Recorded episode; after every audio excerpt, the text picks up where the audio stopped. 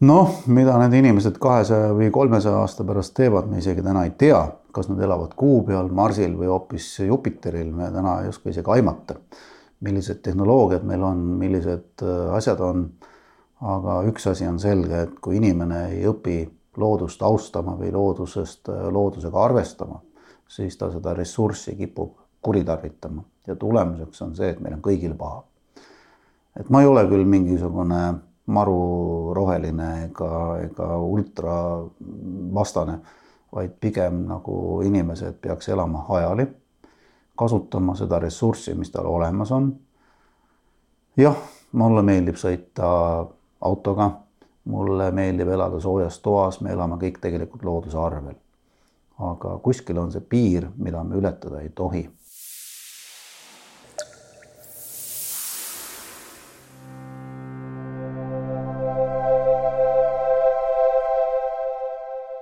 veesõnumid on tulnud äh, puhta vee teemaparki külla Priit Adler ja kes on siis äh, puhta vee teemapargi peremees.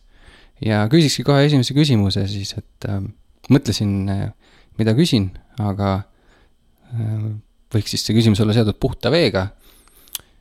mis on sinu jaoks puhas vesi? no puhas vesi on ikkagi lõhnatu, värvitu, maitsetu vedelik ja no vesi on muidugi jahedalt kõige parem. ja no kuumal päeval ei oska millestki muust unistada kui ikkagi puhtast joogiveest, mis on jahe, peab olema lõhnatu, värvitu ja maitsetu. no kui tal maitsed juba tekivad, siis juba tegelikult oled kokku saanud mõne naabriga või siis äh, oled sa ise kuskil külas, et me teame, et vesi maitseb väga erinevatel külastustel, näiteks äh, naaberkülas või kuskil kaugemal Eestis viibides, hoopis teise maitsega tekib küsimus, et mis see on. aga siin võib kahtlustada kõik vandenõusid, aga tegelikult põhjus hästi lihtne. et äh, vesi tuleb ju taevast, destilleeritud vesi, satub siis maapinda, sealt ta filtreerub siis läbi maapinna, läbi kivimite, jälle põhjavette. ja põhjaveed siis koosnevad tegelikult erinevatest maitsetega veest, vetest et me teame, et tegelikult Eestimaal müüakse ju mineraalvett. meil Eestimaal on neli litsenseeritud puurkaevu, mis siis on võimelised üldse müüma siis äh, mineraalvett ja see eeldab muidugi tohutut bürokraatiat. aga on inimesed, kes tegelikult peaksid jooma vett. no siin on niisugused äh, lood, kus inimene räägitakse, et peaks inimene jooma liitrites kohe kaks pool, kolm liitrit vett päevas. aga siin on nagu erinevad asjad, et see jutt, kus USA-st kunagi hakkas tulema, tuli see tegelikult sellest, et seal on gallonid ja liitrid. ilmselt on tõlkes midagi sassi läinud, et kaks pool liitrit ikka vett juua päevas. see on päris palju. no see peaks olema koos toiduga, aga isegi seda on palju. aga kui nüüd rääkida nagu vee maitsetest, siis me läheme poodi ja ostame endale pudelivett mille järgi me otsustame? kas me otsustame seda maitse järgi, oma etiketi järgi, pudeli kuju järgi või siis äh, harjumuse järgi? on võluvesi olemas, on olemas Lahemaa vesi, Saaremaa vesi, no kõikvõimalikud veed on olemas. aga nad kõik on veed. aga kui paljud me oleme käinud arsti juures, et teada saada, ütleme, et äh, mida meie veri sisaldab me teame tünni niisugust efekti, kus kõige madalam tünn määrab tegelikult, millised haigused sul tulevad või millest sul tekib. me teame kõik sellist lauset, et inimene peksab segast. no seda öeldakse vanemate inimeste kohta. tõesti, teadlased on järgi uurinud, et kui liitiumi sisaldus inimese organismis langeb, siis tal tekib äh, niisugune vaimupuue, hakkavad seal natukene meeled natukene alt vedama ja, ja mälugi ja see tähendab seda, et inimene peaks tarbima tegelikult liitiumit sisaldavat pudelivett. no ka toitu. et Eestimaal on niisugune vesi olemas, aga seda purki ei panda. küll aga müüakse siis Eestimaal hästi varustatud kauplustes niisugust sinist pudelit, millele peale on kirjutatud Selters, see tuleb Saksamaalt, sisaldab liitiumit kunagi me hakkasime siin äh, veepäevi korraldama, siis ma võtsin ühendust Seltersi maaletoojaga. ütles, et oi, seal on liitium, kohe likvideerime etiketilt ära, ma ütlesin vastupidi, te peate seda reklaamima, et teil on liitiumit sisaldav joogivesi. ja siis ta sai aru, et tegelikult tegemist on erilise veega. ma ei kutsu nüüd üles, et te peate kõik seda vett tarbima, aga selleks, et teada, mida teie organismis puudu on, peaks minema perearsti juurde ja paluma määrata endale mikroorganismide, mikroelementide siis äh, analüüsi, vereanalüüsi ja saada teada, millised organismist on, millised organism, millised elemendid on organismist puudu ja mida peaks sinna siis juurde manustama. ja kõige lihtsam on seda teha veega. ja see viib ka tegelikult sellesama jutu juurde, et miks me peaksime teise juurde minema ja see vesi maitseb teistmoodi. no näiteks äh, on sellised veed, mis sisaldavad vähem siis soola ehk siis naatriumi ja loomulikult igal siis äh, elemendil on omad mõjud inimese organismile ja tulemuseks on see, et äh, tekivad haigused. ja selleks, et siis, kui hakkab arstid mõtlema, et oi, et mis tal nüüd juhtus, siis tegelikult tuleks teha võib-olla neid analüüse nagu tihedamalt. see maksab tõesti üle kolmesaja euro. see on päris kallis ja ega need arstid ei taha seda väga määratagi, sellepärast et no miks ta peaks oma pearahast siis nagu välja andma. aga see võimaldab ennetada juba neid tekkida võivaid äh, haigusi ja loomulikult oleks seda võimalik seirata. kui nüüd asja nagu kaugemale veel minna, siis on olemas Eestimaal Vee-ettevõtete Liit. ja kui ma olen neile rääkinud seda, et kuulge, et, et kas te vett, mida te siin inimestele müüte ja mida inimesed loputuskastist lasevad seitse-kaheksa liitrit korraga alla ja te küsite selle eest aina hinde, hinde kergitate, et kas te võiksite palun seda veeanalüüsi teha, et mida see vesi sisaldab. et kui ma tean et ma pean ostma näiteks liitiumit või vähest soola sisaldavat vett, et miks see võiks olla kraanianalüüs, et ma näiteks lähen naabri juurde, saan teada, et äh, temal on hoopis selline veevarustus ja hoopis teistmoodi sisalduv vesi, et miks mitte. vot selliseid asju on tegelikult äh, tekkinud mõtteid ja me teame väga hästi, et, et naaber küla, kuskil külla minnes see vesi maitseb hoopis teistmoodi, aga mida ta sisaldab, me ei tea ja vot see ongi tegelikult see niisugune kultuur ja võib-olla teadmiste ja, ja oskuste puudumine, kus siis näiteks võiks teha siis veeanalüüse ja saada teada, mida see vesi sisaldab. jah, pudeli etiketil on ta kirjas ja ka kui sa nüüd inimese käest hakkad uurima, et millist vett ta ostab, millest me siin ka eelnevalt rääkisime, siis ta, kas ta teeb oma valiku äh, siis näiteks etiketi järgi, hinna järgi, nime järgi aga tegelikult peaks olema teadlik vee tarbimine ehk see, mida inimesel on vaja, seda ta ostab. Ja see vesi võib olla täiesti võluvees sees, võib olla mingis teises vees sees, aga me ei tea, sest seda ei ole etiketil kajastatud ja seda ei pea ka tegema. tehakse siis üldanalüüsid, et ta oleks puhas ja sellest piisab. aga kui me räägime tervislikust toitumisest, siis kõik hakkab sellest veest pihta. kui puhas on meie vesi täna Eestis? No loomulikult me aeg-ajalt kuuleme niisuguseid hirmsaid jutte, kus sisaldab pest-, pestitsiide ja, ja kõikvõimalikke elemente, mis võivad inimesele halvasti mõjuda.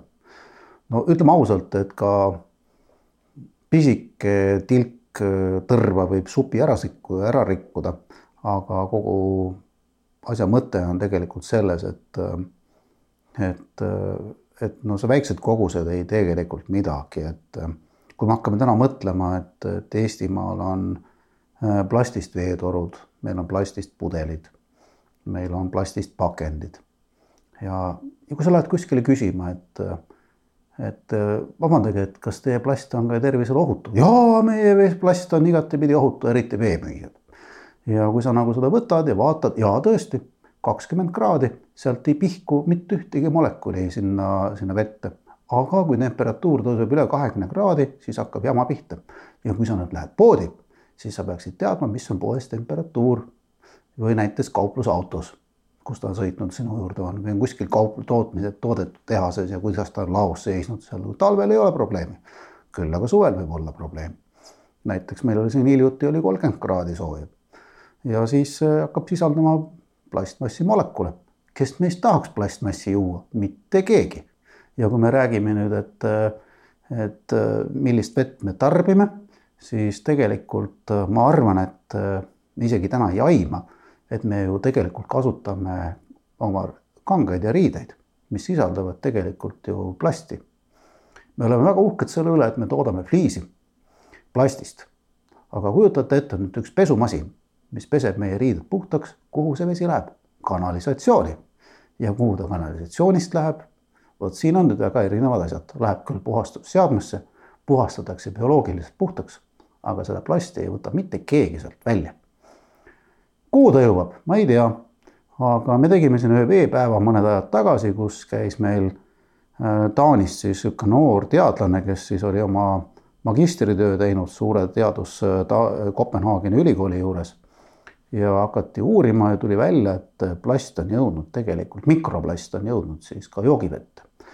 ja ma saan aru, et inimesed tegelikult võivad sattuda paanikasse sellest, et plast on vees, plast on igal pool, aga tegelikult peaks inimesi õpetama, et ära palun tee niimoodi, ära osta niisuguseid kangeid, et sellel tagajärg on see. aga täna seda tegelikult ei tehta ja meie oma puhta vee teemapargis tegelikult olemegi rääkinud sellest plasti teemast.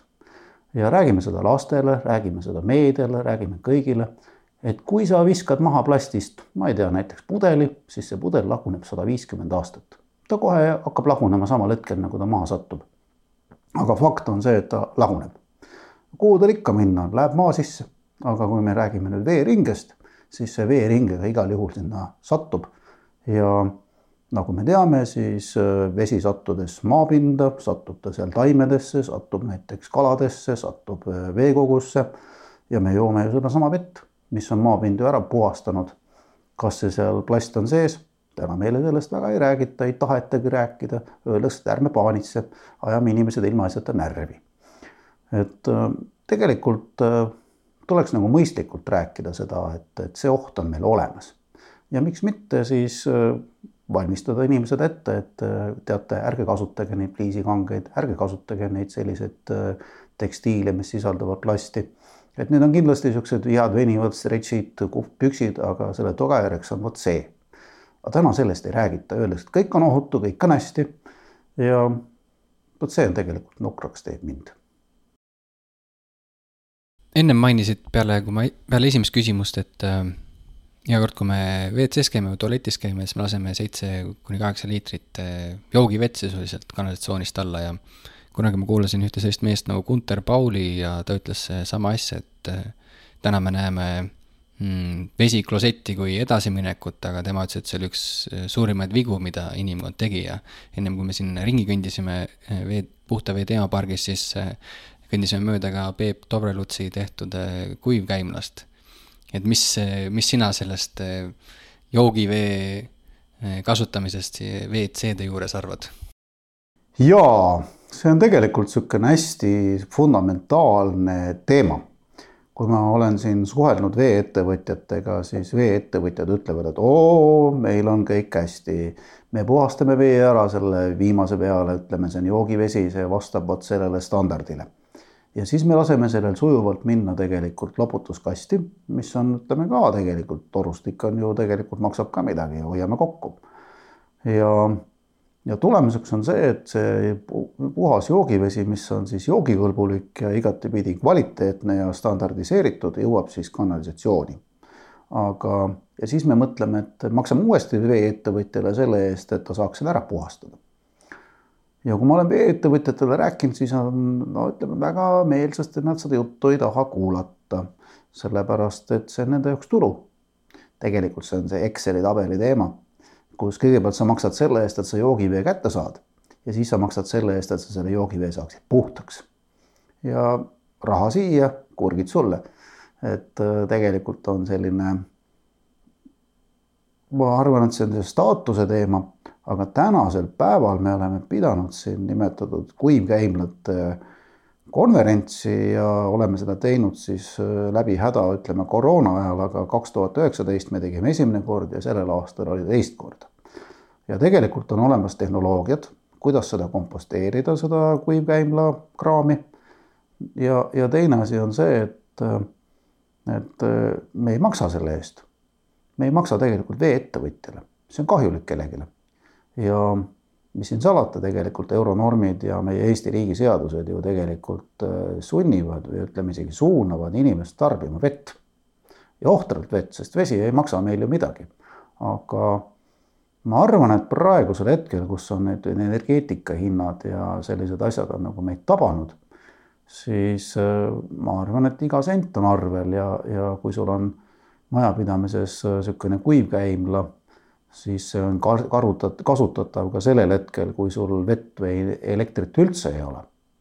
aga ma ei kujuta ette, näiteks peaks olema elektri, elektrikatkestus või veekatkestus, et kuidas näiteks ühekord, üheksakordses majas näiteks tualetti saaks.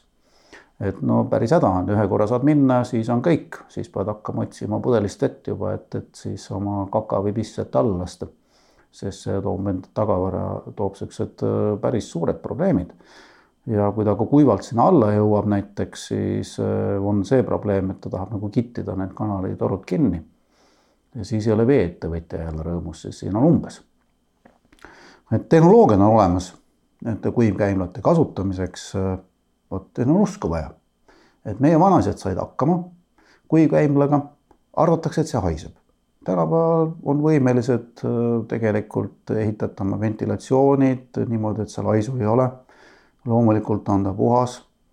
Äh, ja, ja on ka hügieeniline, ehk siis on ka seal need äh, kätepesuvõimalused olemas inimese jaoks ja, ja ma arvan, et siin on niisugune seletamise, seletamise, motiveerimise ja jutustamise teema.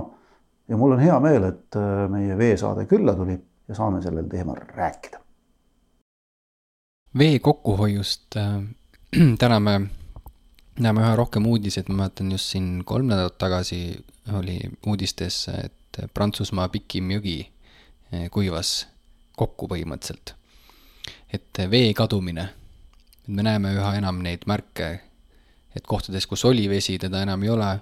mäletan, kas siin kaks tuhat kuusteist, võib-olla ma eksin aastaga, Poolas oli suur veekriis ja, ja teine saade, kui ma rääkisin äh, Rein Munteriga veemälust, äh, kes on äh, TTÜ emeriitprofessor, keemiainsener, siis ta ütles, et ka World WHO-l, äh, WHO-l on selline veekriiside, tuleviku veekriiside ennustamise kava ja nad ütlesid, et isegi Eestis oli kaks kohta, kus on reaalne see, et põhjavesi kaob.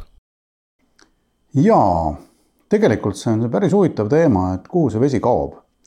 ja mina olin aastal kaks tuhat kaks, ma olin Saksamaal ja ma käisin mööda Saksamaa, Taani, Poola, Rootsi prügimägesid.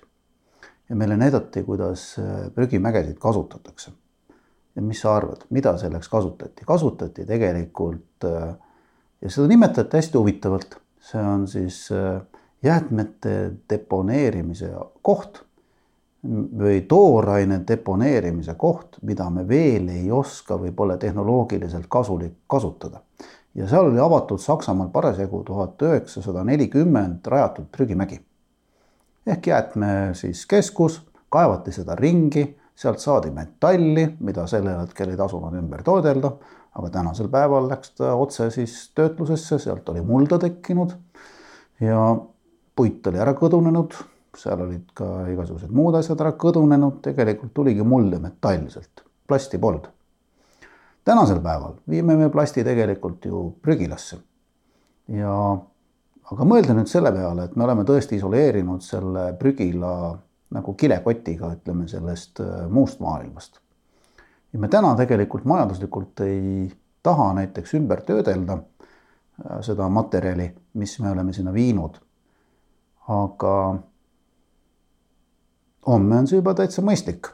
ja nüüd põhiteema juurde, mida ma arvan nagu sellest äh, veest, siis sattusin ühte instituuti Saksamaal, kus tehti, instituut töötas selle nimel, olid oma mudelid teinud suurde halli, kakssada meetrit pikk ja see oli kaheksakümmend meetrit lai. sinna oli tehtud siis jõgi, jõe mudel, et vanasti tehti jõed kõik hästi sirgeks, et vesi jõuaks hästi-hästi kiiresti ikka suublasse, jõuaks merre ja seal õpiti siis ja vaadati, kuidas seda jõge teha kõveraks, loogiliseks. et see veevool oleks aeglane ja tagaks selle vee kulgemise pikal ajal. näiteks äh, see viis nagu mõttele, et Tallinnas me katame tegelikult ja mujal katame kõik oma pinnad kõva pinnaga ehk siis tegelikult asfaldiga, betooniga. ja tulemuseks on see, et see vesi jõuab hästi-hästi kiiresti kanalisatsiooni sealt Paljassaarde ja siis on kõik ummistub ja öeldakse, et oi, meie pumbad töötasid, ma ei tea, mitu kuu, mitu tuhat kuupmeetrit tunnis või minutis, eks on ju, aga kõik kooputas üle. ja Tallinna linnas näiteks linnavalitsuse heaks töötades me nägime detailplaneeringutes hästi, hästi ette tegelikult betoon, kiviväljakuid, ka muru kiviväljakuid. Ja asja mõte tegelikult asi lihtne, et see vesi, mis seal nüüd siis kokku kogutakse, imbuks pikal ajal pinnasesse ja jõuaks siis tegelikult noh, kus sinna, kus ta minema peaks, taimede juurde, loomulikult põhjavette. seal on muidugi ohud. üks oht on see, et kõik autod pole hermeetilised, mõnel tilgub õli, mõnel tuleb sealt midagi muud välja ja kui me hakkame nagu rääkima muudest asjadest, siis seal on igast raskemetallid, muud asjad, aga jätame selle praegu kõrvale. tegelikult tuleks seda vee, vee imbumist maapinda tegelikult võimalikuks pikaks muuta, pikaajaliseks. mis veel, kui me räägime Eestimaast, siis me räägime seda, et meil on õigus veele, meil on õigus energiale, meil on õigus valgusele, koolile ja igasugusele muu asjale aga kas keegi bürokraat on kunagi rääkinud sellel teemal, et miks on Eestimaal veebürokraatia üldse välja arenenud ja miks seda on vaja? ja kui nüüd bürokraadi käest küsida, siis ta ütleb, ei, seadus on selline. aga nüüd ma räägin pikemalt. me oleme kõik sõitnud Tallinnast äh, laevaga Helsingisse. aga meil ei tule selle pealegi, et seal kümme-viisteist kilomeetrit Naissaare taga lõpeb põhjavesi ära see on kaetud meresettega, saviga ja tulemuseks on siis see, et see vesi on seal siis olemas ilusasti ja siis tulevad uusarendused Tallinna linna ümber. ja Tallinna linna ümber on Harku, Viimsi, kus siis on tarbit, vee tarbimist piiratud eelmisel suvel, üle-eelmisel suvel, ka sellel suvel. miks seda tehti? inimesed ütlevad, mul on muru, ma pean seda kastma, sellepärast see muutub kollaseks, mul on vaja sinna mururobot peale lasta või ise niita ja mul peab muru olema roheline. kui see muru ka ära kuivab, siis me oleme näinud, et kuivanud muru tegelikult taastub päris ruttu. mõne päevaga läheb ta uuesti roheliseks, kaotab ilusti edasi ja kõik on hästi. aga tulemuseks on see, kui inimesed tarbivad vett rohkem, kui juurde tekib näiteks Pandipere kõrgustikul, kus me praegu oleme siis juhtub selline asi, et tekib veest puudus. ja mis sa arvad, kas siis tuleb selle asemel põhjavesi uus või tuleb merevesi? loomulikult tuleb merevesi, valgub sisse sinna põhjavee kihti, Kambriumi kihti ja loomulikult see ühendab terve Eestimaa kõige puutumatut veetagavara. see on seesama lugu, miks me ei tahaks pump, hüdroakumulatsioonipumpasid teha, ütleme niisuguseid äh, maa all reservuaare, kus me saaksime siis juhtida merest vett ja tulemuseks on siis see, et see vesi kulgeb sinna maa alla, reservuaari, saame energiat. aga me peame läbi minema sellest veekihist. Et meil ei ole maavära, maavärinaid või niisuguseid, niisuguseid hulle lugusid. aga kujutad ette, kui ühel hetkel sellest august, kus me laseme sealt äh, merevett alla, toimub näiteks no näiteks mingisugune tehniline rike või mingisugune betoonkiht peaks seal järgi andma ja, ja seal nagu kaob ära näiteks siis põhjavee surve ja asemele läheb merevesi. vot need on kõige suuremad ohud, mis meil valitsevad.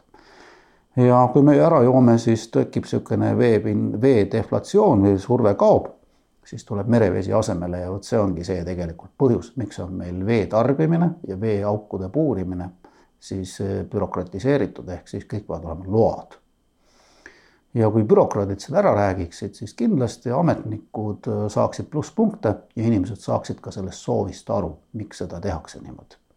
kui sellest täna ei räägita, siis seda öeldakse, et ah, bürokraatia värk, teen ikka. Ja teevadki, pumpavad rohkem vett välja, kui saab, siis puurivad auke sinna, kuhu saab, loomulikult geoloogid seda ei tee, aga inimene võib kasutada alati selleks äh, oma, oma tehnilisi võimalusi näiteks, pumbata sealt vett välja rohkem kui võim-, rohkem kui vaja.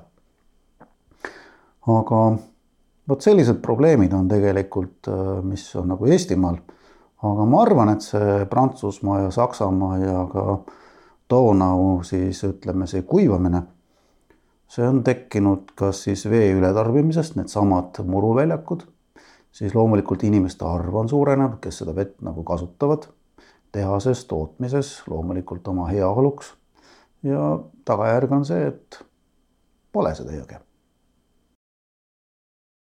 jah, kui rääkisid, mul tuli meelde ka üks näide, mida paar nädalat tagasi mm, Youtube'ist nägin, et äh, Egiptuses enamus inimesed elavad äh, Niiluse ääres, aga mm, on kasvamas siis äh, uus asumik, kuhu inimesi suunatakse elama ja see on selline, mm, see asub siis sellise oaasi peal. ja seda oaasi on mõõdetud, et nad ei tea päris täpselt, kui see sügav on, praegused mõõtmised ütlevad, et kaheksa, kahesajaks aastaks on seal kindlasti vett. aga see on sellise mm, tähtajaga vesi et täna suunatakse sinna miljoneid inimesi elama, teades, et kas siis kahesaja või kahesaja viiekümne aasta pärast on vaja kõik need inimesed sealt ära viia. noh, mida need inimesed kahesaja või kolmesaja aasta pärast teevad, me isegi täna ei tea, kas nad elavad Kuu peal, Marsil või hoopis Jupiteril, me täna ei oska isegi aimata, millised tehnoloogiad meil on, millised äh, asjad on. aga üks asi on selge, et kui inimene ei õpi loodust austama või loodusest, loodusega arvestama, siis ta seda ressurssi kipub kuritarvitama ja tulemuseks on see, et meil on kõigil paha. et ma ei ole küll mingisugune maruroheline ega, ega ultravastane, vaid pigem nagu inimesed peaks elama hajali, kasutama seda ressurssi, mis tal olemas on. jah, mulle meeldib sõita autoga mulle meeldib elada soojas toas, me elame kõik tegelikult looduse arvel. aga kuskil on see piir, mida me ületada ei tohi. et räägitakse kindlasti, et äh, Tallinnas on meil teed, meil on väljakud, meil on kõik selline kanalisatsioon ja elekter ja kõik on hästi.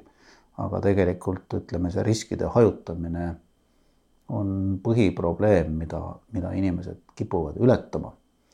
ja noh, me oleme siin täitsa nagu looduse poolt ära unustatud kohas siin keset metsa. meil ei ole pooleteise kilomeetri raadiuses mitte ühtegi hingelist peale metsloomade. ja meie külas on üldse kümme inimest. ja meie territoorium on, ütleme noh, näiteks äh, peaaegu ütleme siis pool Lasnamäge. ja kujutate ette, kui Lasnamäel elaks kümme inimest. ma arvan, et loodus võtaks selle võimust ja saaks hakkama. aga vot siin on see asi, et ähm, võib-olla peaks seda nimetada, see on ka ääremaastumine või, või, või mingi muu asi. aga kui me meenutame siin niisugust, äh, niisugust pandeemia olukorda, mis inimesed tegid, inimesed läksid tegelikult pandeemia eest peitu, läksid loodusesse, nad teadsid täpselt, mis neid päästab. ja nad elasid selle üle. tänasel päeval näiteks Järsi külas, kus me täna viibime, ei ole mitte ühtegi vaba hoonet mis oleks kellelgi omanik. täna on kõik ära ostetud ja selle mõttega, et siin viibida suvel, puhkeajal ja kriitilisel hetkel. et meie kogukond saab tegelikult väga hästi hakkama. ja mul on hea meel, et, et inimesed on tegelikult avastanud selle, et see õnn ja suur rõõm ei ole mitte pealinnas, vaid õnn on tegelikult see, et sa saad olla ja saad olla rahus ja sa tead, et sul ei ole mingisuguseid tagasilööke, mida sa pead kartma. enne kui kõndisime siia maja poole, siis äh, näitasid mulle ühte pinki ja seal pingi peal oli üks lause. ja seesama lause tuletas mulle meelde ühte teist lauset. ma palun, et sa ka seda lauset meile kordaksid, aga see teine lause, ma ütlen selle ennem, et äh, eesti keeles on ka see raamat on äh,, äh, kuidas ta on indiaani tarkuste õpetused või kuidagi niiviisi. ja seal üks äh, indiaani pealik ütles sellise lause, et äh, kogu loodus oli nagu raamatukogu, sealt käidi õppimas. jaa, tegelikult meie Puhta Vee teemapargi selline hea sõber ja meie koolitaja, kes meil aitas välja koolitada siis kaksteist aiandusterapeuti, Tõnu Ots ehk tuntud siis ka minuealistele doktor Noormanina ta on küll psühholoog ja mitte küll kõige vähetuntud, aga ta oskab keerulisi protsesse väga lihtsalt seletada. ja ta andis meile tegelikult puhta vee teemapargile sellise tunnuslause ja see on hästi lihtne, et looja peitis kogu maailma tarkused loodusesse, mõttekriips ja meie arukus on need üles leida. vot seda me iga päev otsime, me unustame, tuletame jälle meelde ja kui me tunneme ennast halvasti siis tuleb minna kindlasti loodusesse. ja kui me hakkame rääkima loodusharidusest, räägime siit vaimsest hari, vaimsest äh, näiteks tervisest või ka liikumis, liikumist soodustavatest tegevustest, siis liikumine on tegelikult ju tervis. ja kui inimene liigub, nagu juba niisuguse vanarahva tarkus oli, et natukene paljas, natuke näljas, et siis on kõik asjad hästi, et ei ole see ülekaaluline ja kui sa oled tatine, siis sa oled ka õues käinud. Et äh, ta ei pea olema küll niimoodi tõsiselt tatine, aga noh, natuke tatti ja siis on ka asjad hästi. et seesama indiaani tarkus, et see raamat siis tegelikult loodus jutustab sulle väga-väga palju, ainult lugeda peab oskama, inimesed on ära unustanud. Ja kuna puhta vee teemapargis käib aastas kuskil kümme, kaksteist tuhat inimest, külastajat, kuskil viissada gruppi ja kakssada liinibussi siis äh, me tegeleme hästi palju koolinoortega. siis koolinoortega ongi just see, et kardetakse sääski. sääsed on ju jubedad elukad, tulevad punnid.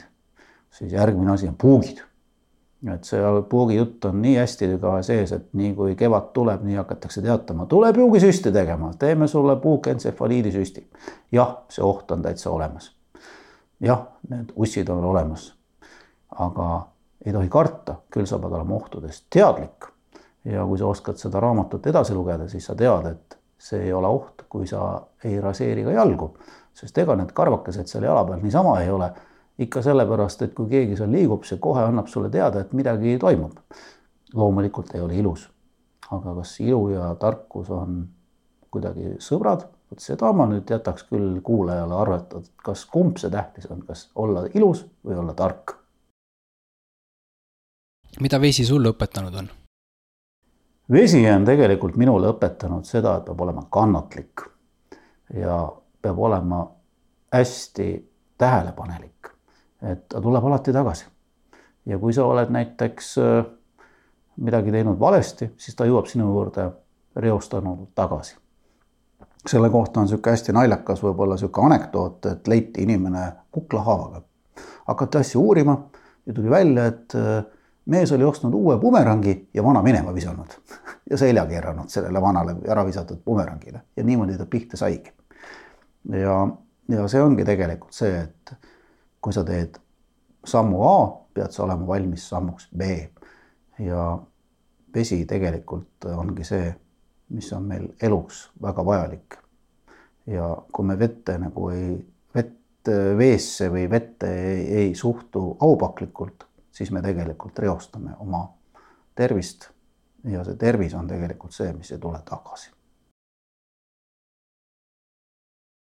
kust sul tuli see, tekkis suhe veega, ütleme, et see puhta vee teemapark ja mis sind pani seda tegema?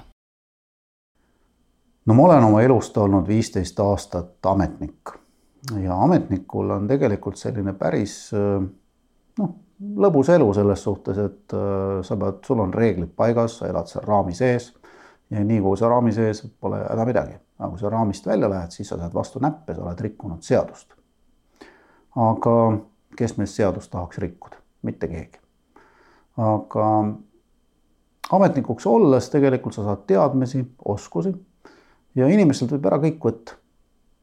aga teadmisi ja oskusi ei saa mitte keegi talt ära võtta ja vot need teadmised, mis mul aastapikku, ajapikku nagu kogunesid ja oma lapsepõlvest ma olen hankinud, need tegelikult viisid mind mõtteni, et äh, Eestimaal peaks olema selline koht, kus väärtustatakse vett, näidatakse selle vee mõju ja puhtast joogiveest sõltuvus sellest, et mis võib minna halvasti.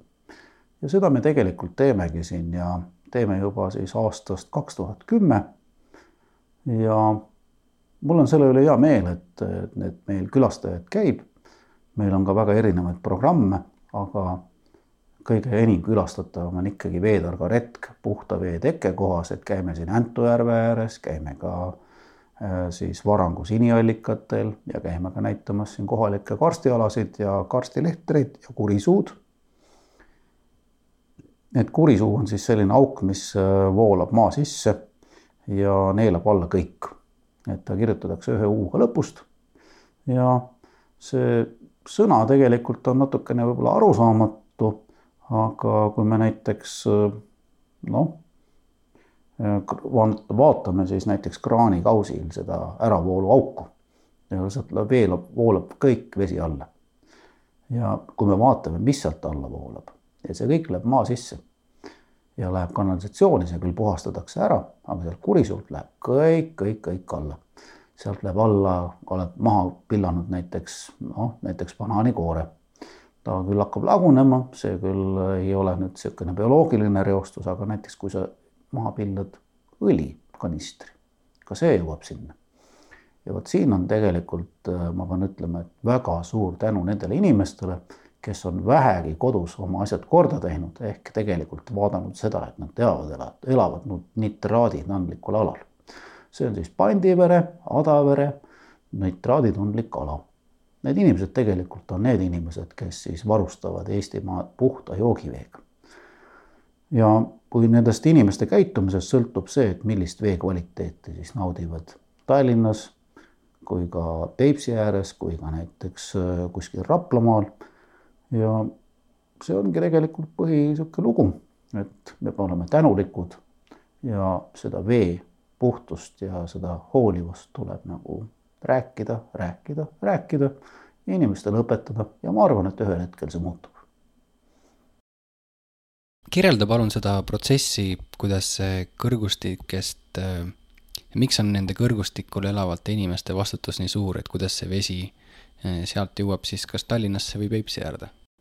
Jaa, Tallinnas äh, jõuab see vesi kahe kuuga. kui mina näiteks peaksin siin maha pissima, siis see vesi jõuab nitraaditundlikul alal läbi Kurisuu hetkega põhjavette.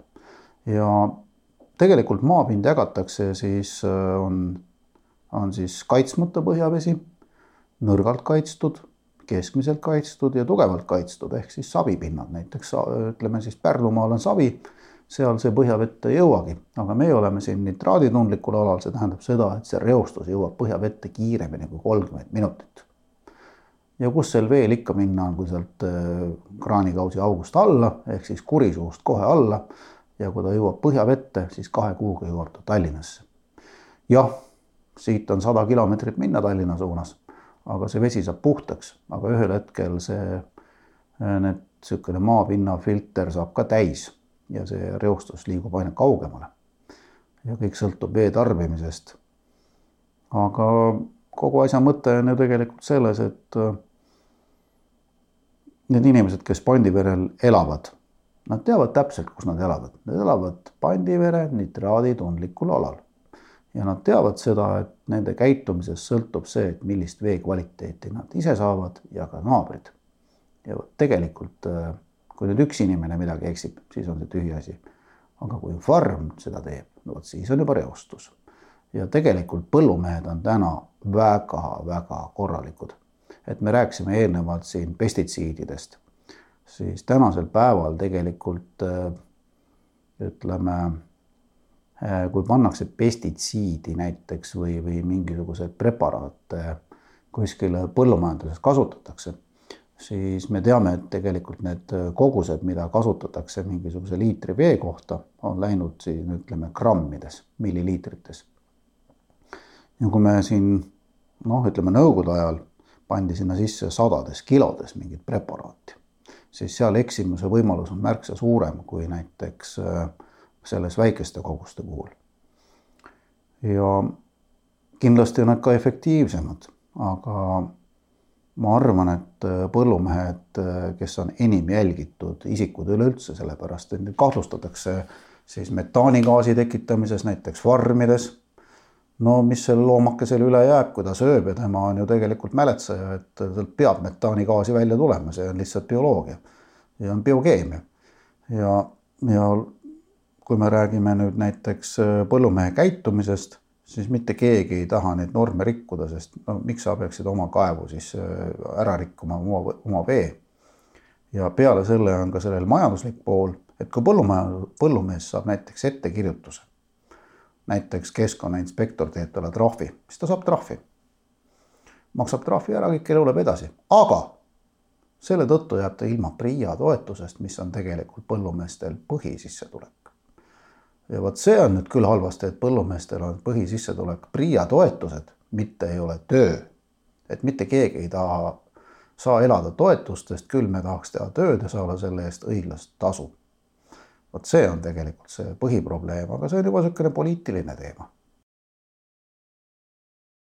sinu ära, sinu eredamad mälestused veega? No loomulikult on see sellega, et ikka mere ääres ja, ja ema-isaga ja oma vennaga saime, saime vees olla ja nüüd siis hiljem oma perega ja oma lastega. ja loomulikult äh, esimene kalapüük ja ütleme, kõik selline äh, vihmasadu ja talvel ütleme suusatamine ja kelgutamine, et, et see on tegelikult väga vahva, et Eesti on selline huvitav maa, kus saab tegelikult nautida nelja aastaaega ja see vesi on väga erinev nendel aegadel. ta võib olla külm, palav, soe, võib olla ka täitsa tardunud. ja see pakub tegelikult väga erinevaid naudinguid, elamusi ja ma arvan, et on, mida vanadusepõlves meenutada. mainisid ka, et teete siin veepäevi. et eh, mis, mis, kuidas need veepäevad siin välja näevad? Jaa, me oleme teinud veepäevi ja ka kogu probleem oli selles, et me tegime kõik õpilastele ka vee ja tudengitele siis äh, vee uurimustööde konkursse. aga siis tuli meil koroona peale, ei lubatud midagi teha ja peale seda me tõmbasime kriipsu vahele. aga ma ei teagi, mida teha, et väga-väga äh, nukker on nagu teha kõik asjad nagu ette, et me ise, me iseennast toetasime ehk tegime oma kuludega seda ja oleme seda teinud juba kaheksa aastat. ja me oleme võtnud nagu uue teema ja see vee tarbimine on seal jätkunud seal jätkuvalt sellel teemal sees, ütleme teadlik vee tarbimine. ja seal oli siis äh, mitu sellist äh, osa, osalist, ütleme siis on veeettevõtjad, äh, loomulikult meditsiin ja inimene ise. ehk siis kolm sellist põhijõudu kes siis peaksid tarbima, tarbima ja andma sellele asjale nagu sellise mõtestatud vee tarbimise. ja kui me räägime nüüd äh, kuivkäimlatest, siis seal on tegelikult äh, veeettevõtjad, inimesed ja loomulikult siis ka ütleme, insenerid, kes on siis ütleme, et kui ehitusinsener näiteks äh, peaks ehitama sulle üheksakordse maja kuivkäimlaga siis me hästi ei kujuta seda ette, sellepärast et me teame, et see kuiv käimla on kärbsed, seal on lõhn, aga tänapäeval on tehnoloogiad muutunud. Ja vot see on see asi, mida me inimestele seletame, et tarb-, teadlik vee tarbimine. Ja loomulikult on see, et ärme oleme eelarvust, eelarvamustest kinni, kasutame selliseid tehnoloogiaid, mis säästavad meie raha. Ja on niisugune huvitav sõna nagu säästlik. säästlik ei tähenda alati seda, et me säästame nagu raha vaid säästame ka loodust. ja nii huvitav, kui see ei ole, tegelikult see looduse säästmine on ka rahakotile sõbralik. ja seda mõistavad inimesed kõige rohkem. näiteks jäätmete sorteerimine. et kas see on säästlik? jah, see on säästlik, sellest me oleme poes ju tegelikult pakendi kinni maksnud ja me anname selle pakendi ju kasti tegelikult meie poolt, iseenda poolt kinni makstud kasti. me oleme selle poes juba kinni maksnud viime selle pakendi nüüd sinna kasti ja me oleme selle ette kinni maksnud ja meil on hea meel, et seda ei lasta kuskile põhjavette minna. nüüd on järgmine küsimus, et mida selle plastiga tehakse. et sellest on võimalik toota uusi asju, näiteks plastikasju, aga me teame, et tehnoloogia täna võimaldab ainult viis korda plastmassi uuesti kasutada ja siis pole sellega mitte midagi teha ja kui me võtame hästi huvitava teema nagu sellised äh, ekraanid, televiisoriekraanid, arvutiekraanid, mobiiltelefoni ekraanid, tahvelarvuti ekraanid. mida me selle LCD nagu ekraaniga teha oskame? täna tegelikult polegi tehnoloogiat, et seda ümber töödelda.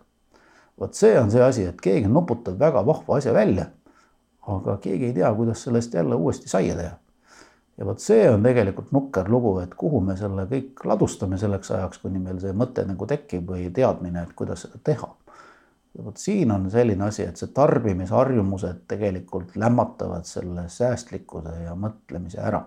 kui me ennem rääkisime, et äh, jäätme siis prügi, prügila on tegelikult selline siis tooraine deponeerimise koht, mida me ei oska või ei suuda nagu täna kasutada siis kogu tegelikult mure on selles, et me peaks tegema seda niimoodi, et me pärast ei peaks näiteks kahetsema seda, et panime selle kuskile noh, näiteks prügilasse ja sealt sattus ta põhjavette või kuskile teise sisse ja rikkus ära terve, terve loo näiteks, kui meepurki panna tõrv, tõrvatilk, siis on terve vesi hukas. ja vot see ongi see asi, et täna tegelikult äh, mõeldakse väga palju uusi asju välja, aga kuidas neid uuesti kasutusse võtta, vot see peaks ka käima käsikäes kuidas, kuidas säästa vett indiviidi tasandil ja kuidas säästa vett siis ütleme, sellisel suuremal tasandil, riigi tasandil? et äh, võib-olla mingeid kohti, kus vee, vett kasutatakse mm, hooletult? hooletult, no kõige lihtsam variant, kõigil on kodus limonaadipudel või veepudel, pange see vett täis ja pange loputuskasti. iga kord, kui nuppu vajutate, liiter, poolteist, kaks vähem vett, mis teil sealt kanalisatsiooni läheb. üks käik, noh, see ei avalda mingit mõju, aga kujutate ette, kui terve pere käib ja iga pere käib näiteks kaheksa korda tualetis päevas, siis kaheksa korda poolteist on juba kaksteist liitrit, kaksteist liitrit korrutage nüüd juba kolmekümnega, saate nelisada liitrit kuus ja kui te korrutate selle aastaga, siis selle raha eest juba võiks üht-teist juba teha. aga see oli nüüd rahaline pool. teine asi on see, et sul peaks olema hoopis teine pool, et vaadake, palju vähem jäi hoopis äh, näiteks inimestel äh, midagi puhastada ja selleks pidi vähem kulutama energiat. ja kui nüüd veel nagu inimesi hirmutada ühe teemaga, siis äh, et väljaheited ja üldse kogu see tualeti teema, siis Hollandis on juhtunud selline asi, kus emised ei tiinestunud.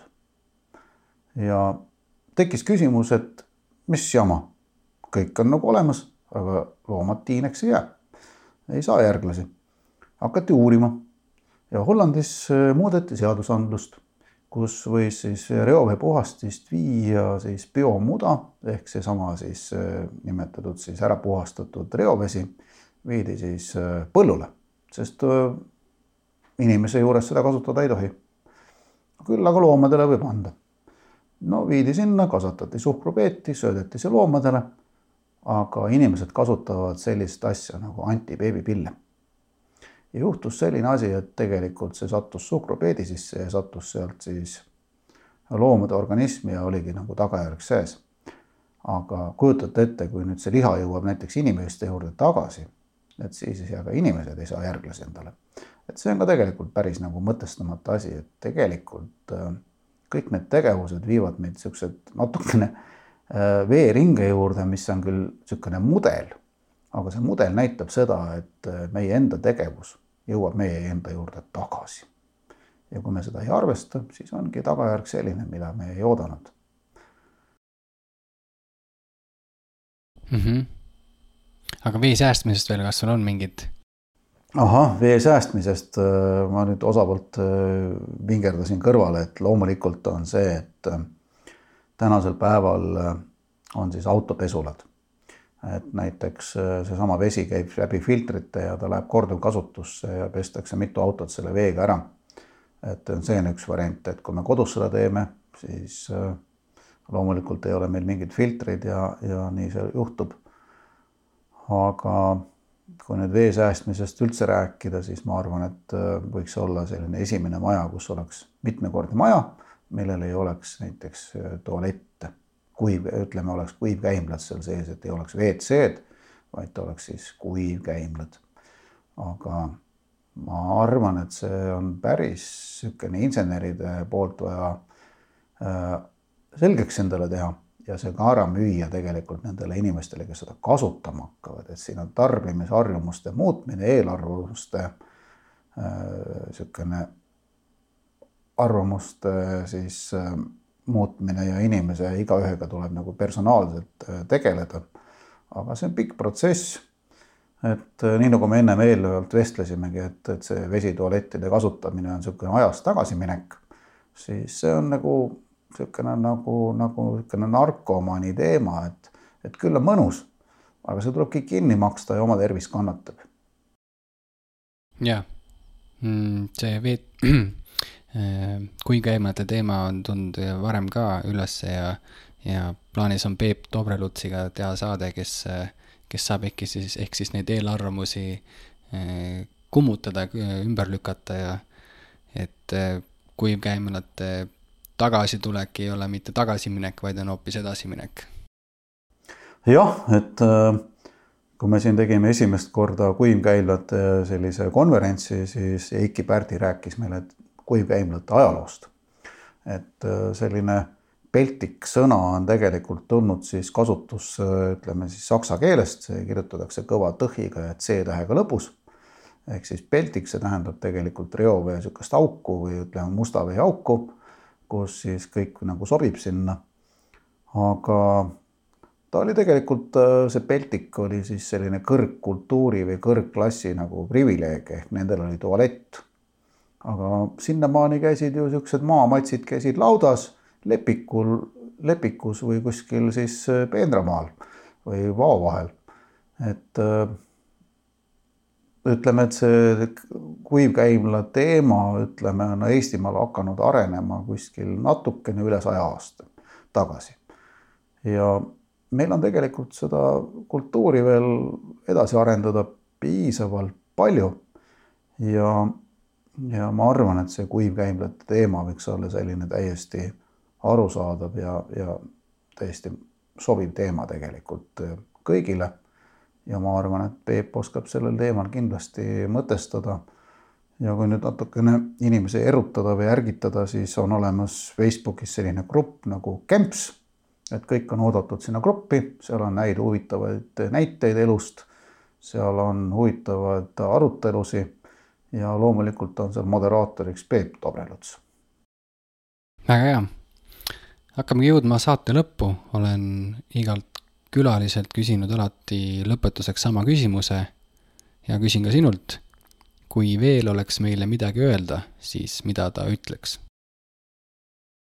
no ma arvan, et äh, vesi kindlasti ütleks meile niimoodi, et ma tulen tagasi su juurde, et ole minu vastu hell ja hea ja no kuidas sa oma sõbrale siis Võmmu kuklasse annad või teda määrid niimoodi hoole, hooletult, et ütled, et noh, tere vesi, et no anna mulle andeks, et ma sind eelmine kord niimoodi halvasti sinuga käitusin, aga ole nüüd sõber minuga edasi. et ma arvan, et me ei tahaks samamoodi olla, et parem oleme vee suhtes auvauklikud ja sõbralikud. aitäh sulle, Priit! jah